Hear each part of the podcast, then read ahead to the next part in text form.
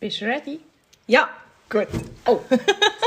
hallo zusammen. hallo, hallo. Das sind wir Ah, wieder. jetzt kann ich keine Chips essen. Mo, du darfst schon. Nein, das ist schon gross. Da catchen die. Äh, Nein, das Weiber. mache ich nicht. Das finde ich... Das findest du selber auch grusig. Das regt mich dann auf, wenn ich das höre. ja. Ja, Also. wir befinden uns heute in meiner Wohnung. Genau. Und äh, wir haben noch einen Gast. Der Neo ist schon da. Meine Katze ist draussen. Wir wollten heute Katzen-Hunde-Begegnung wollen machen. Wieso hat... Oh, ich meinte nicht Spinnen in unserem Haus. Nein, nein, nein, nein. nein. Ähm, wir wollten heute Katz- und Hundetreff wollen machen. Es ist bis jetzt leider nur der Schiebe gegangen. Und den Katze draußen. Äh, Meine Katze ist fast äh, gestiegen. Ja, sie hat Also sich fast die ein Wänge auf. bisschen, sie hat sich ein bisschen rund gemacht und äh, hat angefangen zu fauchen. Hat er einen Grimmelschlag? Ich weiß nicht, was er jetzt gemacht hat. ja, Also Jess- vielleicht müssen wir den ab und zu unterbrechen, weil der Hund der Jasi ihre Einrichtung ausräumt. Neo? Was machst du? Ah, no, nein, er hat das Katzendings. Das hat Katzenmünzen drin. Das Ist das fängt. gut für Hunde? Nö, weiß nicht. Ja, nimm im Sack. Es kräschelt dem. Fängt es auch cool an, es kräschelt. Nein, aber Katzenmünze, ist das, ist das gesungen für einen Hund? Ich weiß nicht. Nimm im Sack. Sonst bist du noch schuld, wenn mein Hund stirbt. Oh nein, jetzt sagt er so, nein, nimm es nicht weg. Also, Wieso nimmst du es weg? So, Oh, es wird mir weggenommen. ich muss das schnell versorgen. Sorry, es Ja, kräschelt. sorry. So. Aber Jetzt ja, bin ich wieder vielleicht ready. wird es ab und zu ein bisschen unterbrochen. Und dann schaut es beleidigend. Scheiße. Es tut mir ja leid, Neo. Genau, eben die, die unsere letzte Folge haben gehört äh, der Neo ist mein Hund, genau. Genau. Äh, er wird immer grösser und grösser. Ja, hey, als wir den geholt haben, ist er oh, so herzig. Ja, das ist etwa äh, die Hälfte, nein, noch ein bisschen. Noch kleiner als die Ah, die Hälfte. dreht er durch, ja. Ja. er hat äh, das Foodtier, also respektive das Spielzeug von Mika, respektive das Foodtier hat mir Kiki mal zum Geburtstag geschenkt. Und Das ist seit eh und je bei mir auf der Couch. Er fühlt sich immer wow dort auf der Oh ja. Gell? ja. Jess ist da gegen beobachten, was der Hund macht. Ich komme mir vor wie so eine Mutter, die für ein Kind muss schauen muss. Oh, Helikopter. kein Seich, gell? Das Also, könnte sie aus der Vorhang abschreiben, einfach, dass ich es gesagt habe. Ja, ja, ja. ja. Kauf mir neu, sehr alt. Danny, Äh, Ja. Meso Dumont Sachen, die ich Oh, kann. nein, Schleichwerbung. Okay. ja. äh, Ich bin immer noch nicht. Gewesen. Ich ertrage es nicht, weil ich bin schnell auch bankrott. Ja, nein, es ist nicht so gescheit. Ja, aber erzähl mal, Jasmin, über was reden wir eigentlich heute? Nicht über äh, Innendekoration und nicht über äh, wachsende Hunde, sondern über... Ja, eigentlich so ein bisschen, wie soll ich sagen, Chaos im Kopf. Also, respektive, Also alltäglicher Durzustand. ja, genau. Nein, aber es gibt auch so Situationen, wo man einfach das Gefühl hat, hey, man hat so ein riesen Chaos im Kopf und so viel, wo man sollte erledigen und so viel, wo man sollte machen sollte. Aber man hat einfach wie keine Chance, alles unter einen Hut zu bringen. Oder nein, hast du das nicht schon mal gehabt? Mal, Aber ich bin, das Problem ist bei mir, ich bin dort dann nicht so konsequent und ich denke dann so, ah ja, ich kann ja noch ein bisschen auf dem Bett hocken und kann noch ein bisschen aus dem Fenster schauen. Und, Aber- Ups, jetzt habe ich etwa 300 Sachen, die ich jetzt so machen, habe ich heute leider nicht gemacht. Mache ich es halt morgen. Ja, Das genau. bin ich, ja. Ja. Ich handle mein Chaos im Kopf etwa so. Ja, das eben auch zwischendurch auch ein bisschen so. Mittlerweile nicht mehr so. Ähm, man kann viel so To-Do-Listen oder so, wo ja, da kann ich so ein bisschen abhäkeln. Da ist so ein bisschen meine innere Stimme befriedigt, bald gesagt. Das ist jetzt übrigens gerade ein guter Punkt, dass du das ansprichst mit Was? Chaos im Kopf. Ich weiß nicht, ob du von dem schon mal gehört hast. Ich habe mir ja jetzt so eine... Ich ich bin ja so, ich bin ja so ein Opfer, das ab und zu auf so Werbungen reingeht. Mhm. Wo, weißt du, wo der sich... Sie zeigen sich immer wieder im Insta, Ja, ja, im, ja. Mhm. frag mich nicht wo, immer und immer wieder. Und dann denkst du so, hm, ist echt das vielleicht etwas? Hm, nein, nein, nein, bestell es nicht. Und dann schlussendlich machst du zack und dann hast du es. Ja. Äh, das heisst Hallo Klarheit. Hast du das schon mal gesehen? Nein, Das ist so eine. Ah, das ist easy. Was ist das? Ein frisst irgendetwas? Nein. Sicher. Warte, ich muss schnell schauen. Oh mein Gott, mein Hund stirbt. Er hat ein Blümchen angerupft. Ein Blümli? Wo hat sie ein Blümli? Es ist ein Blümchen. Okay. Ja, ich weiß, ich bin noch ein bisschen ähm, komisch. Aber. Also- Eben, zu dem Ding, das heisst Hallo Klarheit. Und ähm, Das äh, ist eine Agenda. Also es ist wie ein Planer, Agenda, To-Do-List, frag mich nicht was aus. Mhm. Und das sollte dir helfen, dein Leben auf die Reihe zu bekommen. Und dann Yes. ich so, ah, hm. Nein, wir haben das wirklich so oft irgendwie im, im, äh, im Insta ist mir die Werbung gekommen und hat wirklich, hey, so, weißt, hat so Kundenrezessionen gehabt, hat so Ja. gesagt, ja, sie das, sie das hey und so, sie gehen das Leben viel organisierter und sie erreichen ihre Ziele. und ja, dann komme ich so, weißt, so als Konsumopfer oder, und denke so, ah, hm, das ist noch interessant. Aber ich habe dann gleich irgendwie vier, fünf Monate immer gewartet und so dachte mir, komm, jetzt bestelle ich es mal. Ja. Jetzt habe ich es bestellt und jetzt ist es gekommen. Und jetzt habe ich es ausgefüllt. Also es hat wirklich so, es hat einen Teil, so einen Coaching, ah, Coaching-Teil hat es auch noch, genau. Mhm. Und du hast dann so Fragen drin, zum Beispiel, oh, weißt du, wenn man vorher gesagt hat, dass wir über das reden, hätte ich es können mitnehmen Mhm. können. Also, Also also, ich habe es nicht mal dabei. Also, es also, also, weißt- regelt auch mein Leben doch. doch- Ich habe ein trotzdem. ähnliches Buch. Weißt du, jetzt zum Beispiel so. Ja, aber dort hat es aber noch so Fragen drin. Und da steht zum Beispiel, was würdest du machen, wenn das und das keine Rolle würde spielen? Was ist das so? Wie würdest du bla bla bla? Ja, ja, ja. Und ich habe jetzt mache ich angefangen, also schon mit Terminplaner, eben mit, du kannst nicht die Wochen selber reinschreiben, weißt du, Genau, Tage das und habe so. ich jetzt hier auch. Weißt du, dass du die Woche selber kannst reinschreiben und dann kannst du deine ganze Tagesstruktur aufschreiben. Dann hast du so Vision und Ziel. Dann Sachen zum Erledigen, Tagesziel. Mhm. Dann äh, Inspirationen, keine Ahnung. Dann hast du sogar Wassergläser. Weißt du, so von Aha, wegen, ja, dass ja. du Wasser trinkst. Ja. Notizen und heute bin ich dankbar für. Ja, aber es ist etwas anderes, ja. Und das ist noch, finde ich noch cool. So, ist doch auch nicht. Ja, Das stimmt. also eben, ich habe jetzt, ich habe jetzt heute mal ein bisschen angefangen und da kannst du auch so To-Do-Lists rein tun. Mhm. Aber weißt, bei mir ist es wirklich immer so ein bisschen, ich finde ja so Büchlein, so zum Reinschreiben, so Notizbüchlein, finde ich das toll, finde ich das super. Ja, ich ja. habe Tonnen von denen daheim, aber es ist ja leer. Ich, ja, Also, ich fäbe also die immer meisten. gerne für etwas Neues äh, ein neues Büchlein an. Weißt du, was ich meine? Weil ich Büchlein nicht will mischen Ich mit kenne Sachen. das, ja. Aber dann irgendwann, ist, ich habe das auch mal gemacht bei dem, ah, bei so einem Büchlein, wo ich wirklich alles reingeschrieben habe, so Projekte, die ich machen will, To-Do-List, ähm, Bücher, die ich noch lesen will, was weiß ich. Und dann habe ich weißt, du, immer so ganz schön mit den gleichen Stiften und Überschriften, also wirklich Ja, schön ja, zum ja. Anschauen. Aber dann irgendwann habe ich gleich so angefangen wie Karren, schnell- ah, das kommt mir noch in den Sinn, dann habe ich schnell angefangen reinkarren. Und Das Dann- schießt nicht und an. dann schießt es mir an und denke ich so, ah, nein, jetzt sieht es nicht mehr schön aus. Und jetzt, ah, jetzt muss ich es gar nicht mehr anschauen. Und dann landet es irgendwo, irgendwo im Ecke vom Zimmer und verstaubt. Ja, ja, ja, klar. Nein, aber jetzt äh, kommt mir gerade in den Sinn, du hast ja, weißt so ein bisschen die beruflichen Ziele. Oder respektive, du hast ja so viele Projekte immer wieder. Du hast ja das jetzt ein bisschen strukturiert in dem Sinn. Mhm. Mit Hilfe von jemandem. Wie war das denn für dich? Gewesen?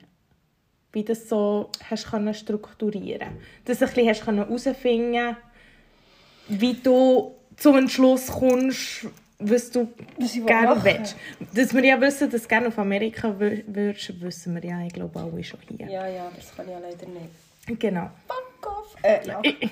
ähm, genau. Anderes Thema. Nein, es ist eigentlich, aber ja, also mein Ziel ist ja eigentlich, aber das ist ähm, äh, Bekannter, der so Coachings macht. Und ähm, ich habe ja schon länger so das Gefühl gehabt, immer so, ich muss weg vom Büro. Ich, ich kann, nicht, ich kann nicht im Büro arbeiten und so. Es ist so, äh. Und dann habe ich mir mal so überlegt, äh, komm, wir fragen ihn mal, ich meine, er kennt sich verdammt gut mit dem aus und so. Und er hat mir wirklich eigentlich eine verdammt simple Methode. Also ich bin dann, ich habe mir gedacht, ja, wieso bist du, hättest du schon selber auf das können kommen? Ich habe dann so, ähm, glaube drei Sachen, also die, die Sachen, die ich ja gerne mache, in so einem kreativen Bereich, die habe ich immer ja schon vorgängig mal eh aufgeschrieben, das habe ich ihm dann auch gesagt. gehabt. Und ähm, dann hat er mir gesagt, also pick mal drei von diesen Sachen raus, die du dir wirklich kannst vorstellen kannst, mit dem könnte irgendetwas anfangen. Dann habe ich gesagt, okay, gut, dann, es ist dann leider dann vier Sachen geworden. Das wird ja jetzt Mhm. Weil ich mich ja nicht kann entscheiden kann. oder? Nein, und dann hatte ich schlussendlich vier Sachen gehabt, und dann habe ich wirklich so, hat er gesagt, ich müsse so wie ein, ähm, äh, nicht ein Mindmap, aber ich habe so in der Mitte, also wenn man sich das jetzt so, wenn ich das muss erklären, wie es aussieht, und man sieht es ja nicht, äh, in der Mitte habe ich zum Beispiel, nehmen wir jetzt mal die Fotografie, das ist jetzt das Hauptthema so von mir, und dann habe ich zum Beispiel, wir sind über Fotografie, dann habe ich so verschiedene Äste müssen machen. Zum Beispiel das eine war, ähm, für wen mache ich es? Also, weißt, mache ich es für Firmen, mache ich es für Bärli, mache ich es für also, Fashion und einfach so so, weiter. ähm, ja, ja, genau. so ein bisschen für wen. Und dann, ähm, was würde ich genau machen? Also Mhm. sei es ähm, Hochzeitsfotografie, also Hochzeitsreportagen, Pärli-Fotos, ist es Produktefotografie, ist es Foodfotografie, Ja. Mhm. ist es Bewerbungsbilder, bla bla bla. Und das Letzte war die Sinnfrage. Was macht es für einen Sinn, Und das ist wenn eigentlich- du es machst? Ja, und das ist die schwierigste Frage, gewesen, weil... Ja, sind wir mal ehrlich, ich meine, wie viele Leute hocken in einem Job, die sich auch nicht mal fragen, macht mein Job überhaupt Sinn? Ich meine, sie machen ihn einfach, weil es ihnen einfach Geld gibt und weil man einfach die Rechnung am Schluss vom Ja. Monat kann zahlen kann. Aber ja, ich meine, sind wir mal ehrlich, ich meine, wie viele Leute machen einen Job, der wirklich Sinn macht? Ja, und wo einem wirklich auch Spass macht. Wenn du vom Ja, aber- Herzen aus kannst sagen, Ja, Oder, aber weißt du, ich, ich frage, es geht mir, es geht nicht, da geht es nicht mal darum, mache ich es gern, also klar auch, aber so, was hat dein Job für einen Sinn? Ich meine, wenn du das jetzt gerade so ganz anschaust, ich meine, würde vielleicht jemand sagen, ja, Fotografie, ich meine, das braucht es nicht, das braucht keine Fotografen. Ja, da bin ich, würde ich sagen, stimmt, ja, ich meine, es braucht keine Fotografen, dass, es, dass die Welt existiert. Aber für mich war in dem Sinn eher so die Sinnfrage, gewesen, dass ich anhand von diesen Bildern, die ich mache, den Menschen eine unhure Freude kann machen kann. Und dass sie eine, F- irgendwie eine Erinnerung haben, die sie noch nach 20, nein, okay, 20, ich weiß es ja nicht, aber vielleicht so als Hochzeit, die sie vielleicht nach 10 Jahren noch anschauen und sagen, hey, schau, dann, vor 10 Jahren haben wir geheiratet und bla bla bla. Und das ist dann so ein bisschen... Oh, excuse, jetzt habe ich noch den Nail gestüpft. Ähm, das ist dann aber so ein bisschen das, gewesen, eben die drei Themen. Und dann habe ich das, die Mindmaps müssen machen. Und dann musste ich ihm die müssen wie präsentieren. Also so ein bisschen, mhm, das würde ich machen und hier würde ich das und das und das und so. Und dann hat er mich, nachdem als ich es präsentiert habe, hat er mich gefragt, würdest Nein, was hat er mich Ich glaube, irgendwie wegen... dem- Wenn, ah, dann hat er gesagt, also wenn ich dir jetzt würde sagen, hey, ähm, ich habe dir hier einen Auftrag, hure geil, das, das, das und so. Also jetzt nicht nur Fotografie, ich habe ja noch andere Themen noch aufgeschrieben. gehabt. Ich glaube, eins war noch Social Media. eben gewesen. Und dann hat er mir gesagt, eben, wenn ich dir jetzt einen Auftrag hätte, hey, Social Media für das, für das Unternehmen so und so, was macht das mit dir? Und ich bin einfach so der gegangen und ich so... weil, ja, es ist so, ja, okay, würde ich noch, ja, wäre noch cool, aber irgendwie, es hat nicht so das Feuer in mir entfacht. Mhm. Ja, es ist ja, nicht so, ja. boah, ja, hure geil. Dann hat er mir gesagt, also, schieß es fort. Dann ist so, also, ja, so, du es zerkrügeln, verreissen, was auch immer, schieß es in die Köder. Dann so, nein, aber jetzt habe ich mir hure Mühe gegeben. Weißt du, so mit- Dann ist so, schieß es fort. Dann so, okay, es ist fortgeschossen. Ja, und dann habe ich echt das mit all diesen Sachen gemacht. Und das ist dann eigentlich schon etwas. Weißt du, manchmal hast du so Sachen, du denkst, ah, ich würde gerne das machen, ich finde das mega interessant. Ja, Aber ja. Wenn, du wirklich, wenn dir dann wirklich jemand eine Frage stellt und sagst, hey, was macht das mit dir, wenn ich dir jetzt sage, ja, sie, ich habe jetzt hier diesen und diesen Auftrag für dich, das und das. Was macht es mit dir? ja. Es ist nicht so, dass... Und das ist ja, dann, das ist ja dann schlussendlich daraus entstanden, eben, wo, ich, wo wir dann über Amerika haben wollen, also haben angefangen zu reden. Hat er dann so gesagt, ja, bei dir, jetzt spüre ich das Feuer, das Amerika, jetzt, jetzt ist, es ist da, weißt du, was ich meine? Ich gesagt, ja, aber das ist ja kein Job. Also ich habe ja wie gemeint, weißt, weg vom Büro, jobmässig. ja. Und dann habe ich wirklich so gemerkt, hey, das Einzige, was ich auch wirklich von diesen Sachen... Und Amerika ist ja etwas, was ich nicht habe dazu genommen habe, zu diesen vier Sachen. Das ist echt dann noch so by the way rausgekommen. Und dort habe ich dann wirklich so gemerkt, hey, shit, ja, es macht wirklich etwas mit mir. Also es ist wirklich so, ja, auf das brenne ich verdammt. Also Fotografie auch, klar, aber... Und die anderen drei Themen sind so, ja, okay, wäre noch cool, wenn ich das könnte machen könnte und so, nice to have, aber... Ja, ja. Und das ist wirklich noch, also hat mir eigentlich recht geholfen, wirklich mich ein bisschen in eine Richtung So ein bisschen zu strukturieren. zu gehen. Ja. Und jetzt bin ich, auch, jetzt bin ich wirklich voll dran.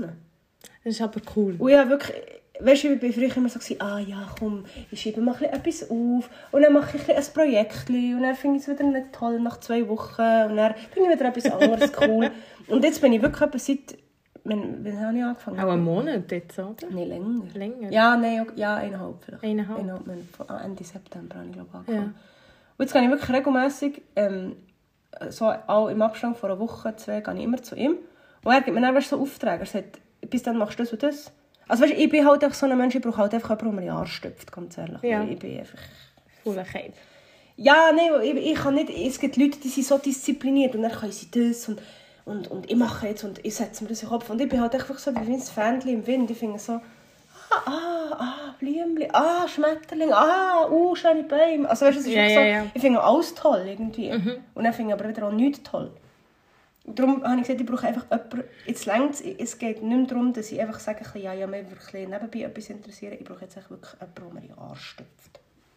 Finde ich sehr, sehr cool. Ähm, dann finde ich es sehr, finde ich es sehr beeindruckend auch, weil ich habe jetzt auch gerade so ein bisschen, äh, mega den Wandel gehabt, oder respektive bin immer noch drinnen.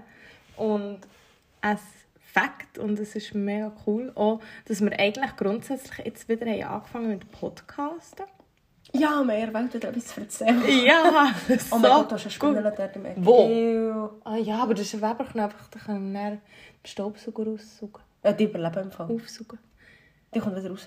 Nein, die kommt nicht mehr Sicher raus. kommt die raus. Die Spinnen überleben im Staubsauger. Nein, die kommt nicht mehr raus. Muss Aber man kannst du Ruhe bitte lassen. nicht töten? Kann- Lass sie doch ein bisschen leben. Gib mir Ja. ja. einen Namen. Ja, ich habe ja schon draussen zwei. Stimmt, wie die Elvira und Der Freddy. der Freddy. Genau. Das ist jetzt der Köbel. Kabul. Hallo Köbel. Ist nicht das sie? Sie sieht aus, als hätte sie so ein pinkes Mäschchen. Ich weiß nicht, ich, ich weiss nicht wie man... äh, Ob es Spinnen männlich und weiblich gibt. Ich weiss- Vor allem wüsste ich nicht, wie man das unterscheidet. Ich gehe nicht. Keine Ahnung. Aber Okay, es zurück zum gibt's. Thema. Ah, Es gibt... Hast du auch Ja, sonst könnten sie sich ja nicht fortpflanzen. Ja, wö. Bei den Seepferdchen gibt es doch auch irgendwie... Ja, das stimmt auch wieder. Ah nein, stimmt, dort ist echt die Männchen nur raus. Okay, wir haben vom Thema abgeschwenkt. es geht hier nicht um Seepferdchen und Fortpflanzung. Hey, hey, hey. Scheiße. Also, Nein, aber äh, du bist im Wandel, stimmt. Du Genau. kannst mir erzählen, was du ab Januar so vorhast. ja, also, ich habe mich entschlossen, dass ich wieder in die Schule gehe. Und, das ist, yeah!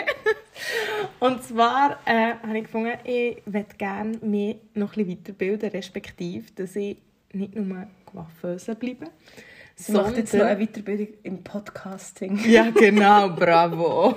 Das kann ich auch selber schnurren mit mir. Ah, wir könnten ja eigentlich Crashkurse geben im Podcast machen. Ja, nein, jetzt haben wir schon wieder so eine neue Idee, die wir dann eben- nicht eben, siehst du. verwirklichen. Ach, ja. Wir haben nicht mal etwas zum Aufschreiben. Ja. Also, red weiter, Entschuldigung, ich habe das weitergeredet. Ähm, genau. Nein, ich habe gefunden, ich gehe im Januar wieder in die Schule. Ich habe das äh, auch mit meinem Chef angeschaut und ich war sehr erstaunt, gewesen, dass er so begeistert war. Respektive, dass er gesagt hat, ich darf auf 80% anschrauben, dass ich jeden Tag in die Schule kann, ein Jahr lang. Yeah! Es ist mega cool, weil ich habe gefunden, ich würde gerne noch ein Handelsdiplom machen. Weil, ja, es ist so eine Sache, weil ich finde, ich würde gerne noch Hintergrundwissen mit diesen Zahlen, Fachsimpel, Sachen können wissen, weil es gibt so zwei kleine Optionen, die kann ich natürlich jetzt nicht sagen, die vielleicht dann irgendwann entstehen, aber ähm, Also, weiss ich die? ja, ich kann das nicht erzählen. Hihi, der Aber- hört es nicht. aber, genau, aber das kann ich noch, Noch nicht weiter erzählen, weil es natürlich nicht unter Dach und Fach ist und einfach nur so Spekulationen und Gerede. Das bin ich nur nachher. Ja, jetzt bist du ein bisschen gespannt. Können wir weitermachen, dass wir nachher abstimmen? Ja. Können wir schauen, wie lange das wir schon geschnurrt haben. 18 Minuten. Ah, jetzt müssen wir noch Ah, ein bisschen. wir müssen noch ein bisschen. Erzähl noch ein bisschen von deiner Handausschuhe. Genau. Und jetzt gehe ich wieder in die Schule am Montag. Und es- irgendwie bin ich mega nervös. Und ich habe schon so viel so viele Leute, die mir helfen wollen, für das Zeug zu äh, beibringen und so weiter. Ist so li- richtig lustig. Also, aber was ist das denn eigentlich? Ist das eine KV-Basis? Ja. Oder? Ah, Ja, voll. Kann ich dir vielleicht auch noch helfen? Scheint sehr. Du wärst die Letzte, die ich hätte gefragt Ich hätte. will weg von diesem Zeug. Du kannst mir Rechnungswesen beibringen. genau. Oh ja, gell? sehr gerne. Mal unbedingt. Da würde ich sogar, äh, da würde ich mir sogar eine Woche Ferien nehmen, weil ich auch eine Woche bräuchte, für drei Aufgaben zu erklären. ja. Nein, aber ich habe wirklich gefunden, ich würde gerne das Hintergrundwissen Ja, das ist ja für gut. Ich meine. vielleicht mal irgendwie ein grösseres Projekt anzugehen. Nee. Genau. Du Weiterbildungen finde ich aber immer gut. Ja, Also. weißt du, ich habe jetzt so gefunden, gell, bei meinem Beruf als Coiffeuse kannst du dich nicht mehr weiterentwickeln. Also, du kannst noch Chef, also Lehrmeister machen. Ja, ja, aber klar. es tut mir leid für alle die, die Lehrlinge sind, die hier zulassen. aber ich bin nicht so bewandelt mit Lehrlingen. Also, mal, ich tue es sehr gerne erklären, aber ich erkläre es nicht gerne dreimal. Ja. Das ist so ein bisschen mein Problem. Aber dort habe ich ein bisschen Da- da- weniger da fehlt dir nicht Geduld. Geduld, Geduld ja. ja. Das ist ein bisschen Ja, das aber eben, ich Problem. meine, schlussendlich Lehrmeister ist ja dann wie nicht also w- wenn du jetzt sagst Coiffeur und dann Lehrmeister ist ja nicht in dem Sinn eine Weiterentwicklung in deinem Beruf. Also weißt du, sag ich jetzt Ja, wie, genau. du tust einfach wie noch zusätzlich jemanden ausbilden, aber es ist ja nicht etwas, Ja. wo- du ja, Ah, klar. verdienst einfach ein bisschen mehr. Aber Ja, okay. in meinem aber es Beruf ja ist, nicht- das jetzt so nicht der Wahnsinn, weißt du, was ich meine? Es ist ja nicht etwas, was du dann noch zusätzlich lehrst, Nein. zum Coiffeur da sein. weisst du, was Nein, ich meine? überhaupt Ja. nicht. Aber- Du hast keine Steigerung in dem Sinn, Eben, ja. außer dass du dann kannst verantwortlich sein für Lehrlinge. Und das ist irgendwie so. Ja, muss jetzt nicht unbedingt sein. Ich habe keine Verantwortung. ich will mein Leben chillen, lass mich in Ruhe. mit Verantwortung. Nein, sehr gerne Verantwortung, aber äh, Schon, ich eben gar nicht. mal. Ich aber bin dann muss es sehr eben auch ganz nach komisch. meinem Dings gehen.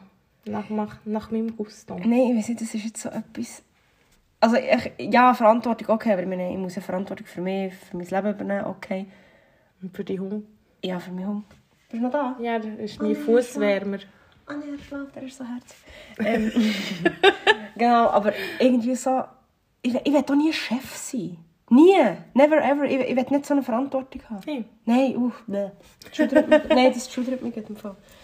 Nein, oder wenn ich mir dann so überlege, ich habe manchmal schon, wenn irgendwie im, im Geschäft, also früher, eh, als ich, als ich noch am anderen Ort geschafft habe, weißt, du, wenn, wenn dir etwas nicht passt, also ich bin ja grundsätzlich ich bin ja jemand, der offen ist und ich spreche ja schnell mal an, wenn mir etwas nicht passt.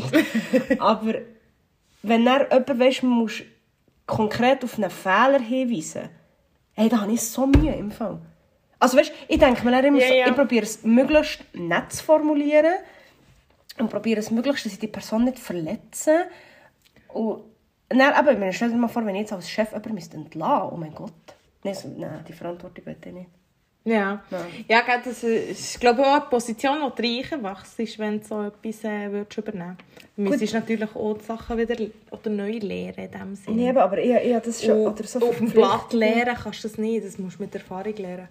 Ja, klar, eben. Aber eben so, ver weißt, wenn du dann so Verpflichtungen hast, oder manchmal gibt es doch auch so in- in diesen Buden, wo, wo du irgendwie eben eine Weiterbildung machst oder oder- wo sie zahlen dürfen, dann musst du dich so für zwei Jahre verpflichten oder so. Hey, das würde ich nie machen. Ja, ja. Weil ich denke mir echt so, ich will mich nicht vernünftig, ich will nicht gebunden Ja, sein, aber ich will eben, das nicht- ist genau das andere. Gell? Wir sind freiheitsliebende Menschen. Ja, Und wir sind nicht gerne gebunden an etwas. wir sind freiheitsliebende Menschen und werden seit etwa zwei Monaten huere eingeschränkt. aber wir beklagen uns ja gleich nicht. Nein, auch. äh, Wir sind flexibel. Wir sind hier in unserem he- schönen, herzigen Kartonhäuschen. Ja, wie ging? Ah, der Kollege hat mir eins- einmal ein Foto geschickt. Sie sind mega moderne, wie eine Radioanlage mit Mikrofon und so. Was machst du auch Podcast? Da habe ich aber dann auch gefragt. Dann er so, nein, aber ich gefunden, ich will es dir schicken, weil ihr ja immer im Kartonkisten tut. Dann Ja. ich so, ah, merci. Ne? Kannst du es gerne mal, können wir uns dort her einladen? Ja. In das coole Studio. Ja, es wäre mal etwas anderes. Wir würden auch... Ah, übrigens, Was? kommen wir jetzt gerade hin. Die Kollegin hat mich gefragt, ob, wir- ob ich bereit wäre, mit ihr ein Atelier zu teilen. Für eben Fotografieren oder Podcasts und so.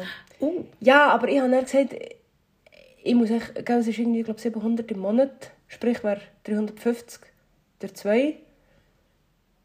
Also wir, Wir teilen es. No. also wir durch 3, ja.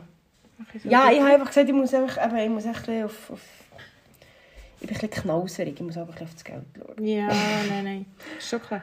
Oh aber, ja, ein nettes Gouverne von den Steuern bekommen. Also, ja, ich habe noch gar nicht ich im gehe mich gar ver- Briefkasten ich gehe mich geschaut. gar vergraben. Ich mache es nicht, ich habe es heute Morgen gemacht. Das ist der grösste Fehler in meinem Leben. Ja, gewesen. deine Lieblingsbeschäftigung ist auch in Sp- in den Briefkasten zu schauen. Also. Nein, ich habe üb- heute am Morgen, am 8. Uhr, hat mir mein lieber Freund gesagt, ah, für dich ist im Vater gestern auch noch ein Gouverne gekommen. Dann ich so, ah, ah wirklich? Ich wurde Er so, ja, es ist mega schön. Dann ich so, ah, wirklich? Dann gehe ich so schauen. Dann ich so, Steuerverwaltung. Ich so, Merci. ist das ernst? Dann haben sie sich so aus Blödheit haben sie sich aufgetan. Normalerweise warte ich aber noch. Dann haben sie sich aufgetan. Ich am 8 Uhr morgens war echt meine Laune pff, echt im Keller. Gewesen. Dann war ich echt den ganzen Tag am Arsch. Gewesen. Und dann habe ich gedacht, Oh, Nein, scheiße. ich komme doch am Arsch. Ja, Genau. das kann eben Geld gibt eben auch ein bisschen Chaos im Kopf zwischendurch. Hey, ich sag dir, hast du das manchmal schon? Ich, ich, das ist wirklich dann so das Chaos-Karussell in meinem Kopf. Ich liege manchmal einfach in der Nacht, wenn ich nicht schlafen kann, liege ich einfach wach und denke über Geld nach. Ja, weil du weißt, du musst das noch zahlen, du musst das noch zahlen, die Miete kommt noch dazu, Krankenkasse. Was habe ich alles noch? Ich, eigentlich habe ich weder Kleider geshoppt, noch sonst irgendetwas. Ich habe gerade mal eine Anteilrechnung gezahlt, ähm, das Essen für eine Katze kommt noch dazu. Ähm, ja, kenne ich. Und ich glaube, es kennen es ganz viele da so. Weil, äh, das ist Haben wir nämlich- schon mal über Geld geredet? Ja, haben wir schon Ich glaube, wir haben schon mal über Geld geredet, ja. Ist schon ein bisschen länger her, aber... mal. Stimmt. Nein, aber das ist wirklich manchmal etwas... Und da, weißt, wir machen ja nicht viele Themen... Also, Angst in also dem Sinn. eben so Chaos. Ja, ich denke manchmal viele Sachen nachher und so, okay. Aber das, was mir wirklich Bauchweh gibt und was ich Ist manchmal, Geld, was mich gell? manchmal echt lässt- lässt verzweifeln ist echt Geld. Ja. Weil, Weißt, ich denke mir schon, ja klar, wir würden jetzt jeder sagen, ja, du kannst ja mega bügeln, du könnt- müsstest ja anstatt 60% kannst du ja 100% bügeln. Aber dann denke ich mir echt so, ja wow, dann muss ich ja nicht das Doppelte an Steuern zahlen. Also ich meine, Ja. dann muss ich, ja- es ist ja ein Teufelskreis, du kommst ja eh nicht daraus raus. Ja, ja, Weißt du, was ich klar. meine? Nein, also ich glaube, was mir am meisten Kopfweh gibt oder so, ist, es ist an Geld gekoppelt. Weil ich immer sage so, ja, das mache ich gerne, das mache ich gerne, das mache ich gerne. Aber mit dem verdiene ich ja kein Geld. Weißt du, Aha, ja, ja. das Weiss, ist das, weiss. wo ich aber so ein bisschen das Problem habe. Mhm. Und jetzt schraube ich ja auch wieder auf 80% runter, also gibt es auch wieder Geldverlust in diesem ja, ja, Sinn. ja, ja. Aber das ist mit dem vollen Bewusstsein und dass ich noch etwas auf dem Sparkonto habe und dass ich äh, meine Projekte in dem Sinn, wie das Malen und das Open Air, einfach so ein bisschen so will, wie weiterziehen Weil ich gefunden habe, das ist so ein bisschen das, was ich will. Und das, was ich fix ähm, ja, irgendwie will in meinem Leben integrieren Ja. und ob ich dann noch Fotoshootings mache oder jetzt habe ich für nächsten Juli, glaube ich, wieder ein, eben, ja, Juli, schon wieder ein Hochzeitsfrisieren und Schminken. Apropos, Oh. ich habe letztens gesehen, dass jemand eine Visagistin sucht für ein Hochzeitsschminken. Habe ich die nicht gerade markiert? Wo? Im Facebook. Hm. Ich habe zwar eigentlich kein Facebook mehr, aber ich brauche es nur für so eine Flomi-Seite. Aha. Dann hat dort jemand geschrieben, Flomi, ich suche eine Visag- Visagistin für Hochzeitsschminken. Mhm. Hat jemand einen Tipp? Dann so, ja, Jasmin, Farni. Hat sich niemand gemeldet? Sie hat irgendwie auch dann schlussendlich 50 Kommentare drunter. Ja, ja, die gefunden. haben immer 50 Kommentare drunter. Ich tue einfach, aber jetzt habe ich wieder jemanden und das ist natürlich so, auch sehr, sehr cool. Nein, klar, ja. Ich mache das immer, aber ich tue nicht aktiv Werbung dafür machen, aber wenn so ein bisschen etwas so zusammenkommt, ist immer cool. Aber weißt du, das ist dann auch, das ist dann das, was mir manchmal auch ein bisschen Sorgen macht. Aber jetzt, also ich habe es eben beim Fotografieren, aber wenn ich bei meinem 60%-Job, dort weiss ich ja, ja, okay, da kommt jeden Monat ein Million rein, gut. Aber jetzt zum Beispiel, ich habe jetzt für nächstes Jahr habe ich auch ähm, eine Hochzeit äh, fix, also Standesamt und Zeremonie, wo, wir, ähm, wo ich weiss, ja, wo recht gut etwas reinkommt. Aber du weißt halt nicht, ob es dann wirklich noch stattfindet, weißt du, was ich meine? Das ist mit der aktuellen Situation immer so ein Ja, Thema. erstens dus, das. Und ich meine, du weißt ja nicht, was sonst noch passiert. Plötzlich wird es aus anderen Gründen verschoben, was weiß ich, oder es findet Das ist eh das auch schon vor der ja, oder, Hochzeit. nein, das hoffe ich zwar nicht, aber nein, aber weißt du, das ist nicht so, dass ich meine, bei, bei einem fixen Job, den du hast, ist es einfach so, ja, okay, du weißt, es kommt Geld rein, du kannst das zahlen, du kannst deine Ja. Miete zahlen, bla bla bla. Aber bei dem, du, du hast, ich tue das immer so wie als Geld in Klammern, Ja, weißt du? Und und dann denke ich mir auch so, ah ja, das ist gut. Aber das ist wirklich nicht das, was mir aber dann so das saure Knosch im Gring gibt, wenn ich so denke, Scheiße, aber was passiert denn, wenn ich das dann nicht habe und dann das und dann kommt wieder Ja. Steuerrechnung und dann kommt wieder das und dann fährt es einfach, brrrr, dann fährt es einfach an. Und ja, ja. Ich, ich weiß nicht, was, hast du dort irgendwie eine Methode, wie du dann wieder daraus rauskommst? Ich tue Ausser mir die einfach Rose trinken. ausser die Rose trinken. Ich tue mir einfach alles aufschreiben. Alles aufschreiben und durchgehen und dann vor meinem E-Banking hocken und alles durchgehen und durchzählen. Ich, kann das, eben- ich mache es dann eben auf die Straussenmethode. Ich stecke nicht den Kopf in den Sand und will nicht mehr davon wissen. Was Lass mich in ist Ruhe. das? Hast du noch nie gehört? Straussenmethode. Hast du es noch nie gehört? Nein. Nein. Also, Kopf ins Angstecken schon, aber das mit den Straußen. Straus macht ja das. Nein. Und dann Ja, einfach- das stimmt. Ich tue dann echt so den Kopf und sage, ich kann nicht, ich sehe nicht, ich ich will gar nicht wissen. Und dann, dann kommt es mir wieder in den Kopf bis zum nächsten Ja, Zahltag. ja. Oder all- also allgemeine Themen, die mich irgendwie stressen. Ja. Die Straussenmethode ist Die das. Straussmethode. Das- das- Ja, mir würde es im Fall noch wundern, ob ihr da außen Sachen habt, die nach so Chaos im Kopf verursachen. Ob es im Moment aktuelle Lage ist oder keine Ahnung was, finanziell oder jobmässig oder was auch immer. Teilt es uns mit Beziehungsdramen. Beziehungsdramen oder so Oh, oh. und so weiter.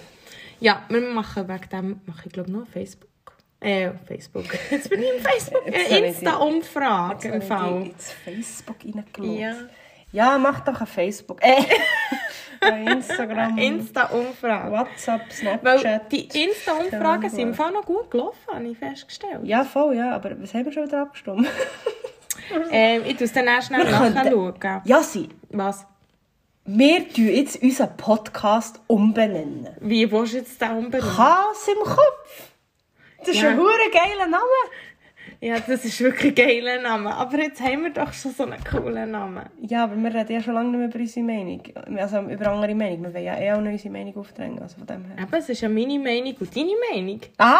Also meine und deine. Aha, ich habe gemeint, unsere und die oder anderen. deine oder meine. Ah. Aha, ich habe gemeint, unsere und die anderen, die uns Nee. zulassen. Aha. Es ist doch mir gleich, was die anderen denken. Ist doch mir gleich, was die anderen für eine Meinung haben. Ich zwinge ja alle meine Meinung. Meine Meinung. Ja, nein. Ah, okay. Ja, Also Chaos im Kopf wäre immer noch lustig. Chaos im Kopf ist wirklich cool. Vielleicht können wir sie in Klammern setzen. Nein, ist nicht lustig. Ah. Entweder das oder das. Ja, Meine Meinung. das ist meine Meinung. Meine Meinung ist... Wieso ist es nicht früher in Sinn Ich weiss nicht. Hey, übrigens, jetzt wir haben wir schon gleich, also noch nicht ganz, aber jetzt haben wir schon gleich Jubiläum. Ja. Am 1. Februar. Ah ja, Dann stimmt. müssen wir dann eine Jubiläumsfolge machen. Das wäre noch Okay, es ist cool. zwar erst November, aber wir können ja... Ja, wir können schon etwas ich vorbereiten. meine, es gibt auch schon im September Weihnachtsdekorationen, also wir können wir ja jetzt auch schon... Immerhin. Ja! Also, wir diskutieren jetzt weiter über unsere Jubiläumsfolge, die wir wollen haben Und ähm, Also bis dann. ihr hört in die nächste Folge rein, wo wir... Äh, ich schaue dann noch schnell die Sachen, die Umfragen anschauen und dann können wir vielleicht so etwas reinnehmen, nächste Folge, wo ihr so ein bisschen abgestimmt habt. Yeah! Juhu! Also, Wie manchmal schon ist es gesagt? ich weiss es nicht. Finde es lustig. Keine Ahnung. Also, in Tschüss diesem zusammen. Fall schönes Leben. Ade.